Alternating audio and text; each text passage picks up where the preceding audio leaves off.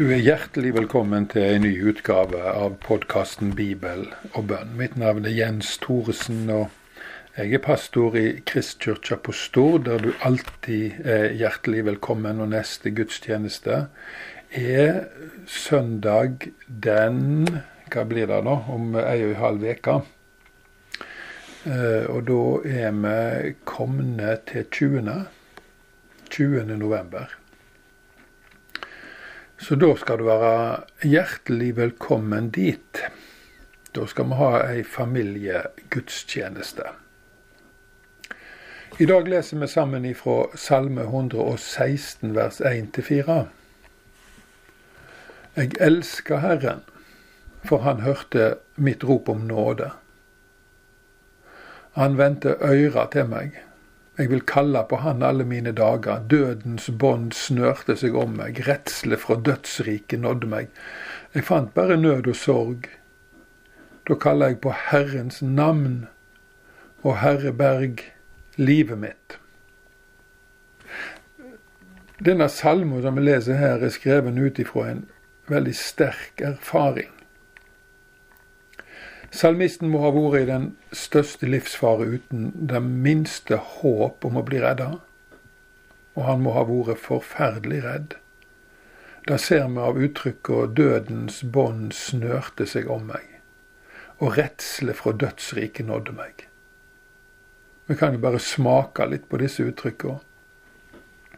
Døden var som en kvelerslange som hadde slynga seg om kroppen hans for å presse livet ut av han og den klaustrofobiske angsten, redslene for dødsriket, det var ikke til å holde ut. Det var bare én ting å gjøre for salmisten, å kalle på Herren. Å Herre, berg mitt liv. Herren står over døden, og han er sterkere enn døden. Det har alltid vært slik, både i Gamle testamentet og Nytestamentet. Og han demonstrerte sin suverenitet første påskedag da han sto opp fra de døde og undertrykte døden for evig. Derfor, når døden melder seg for tidlig, da roper vi òg til Herren Jesus disse sterke bønneordene. Herre, redd livet mitt. Og sal salmisten har, fikk hjelp. Døden måtte slippe taket. Herren blei døden for sterk. Og resultatet på det som skjedde, er bare så nydelig.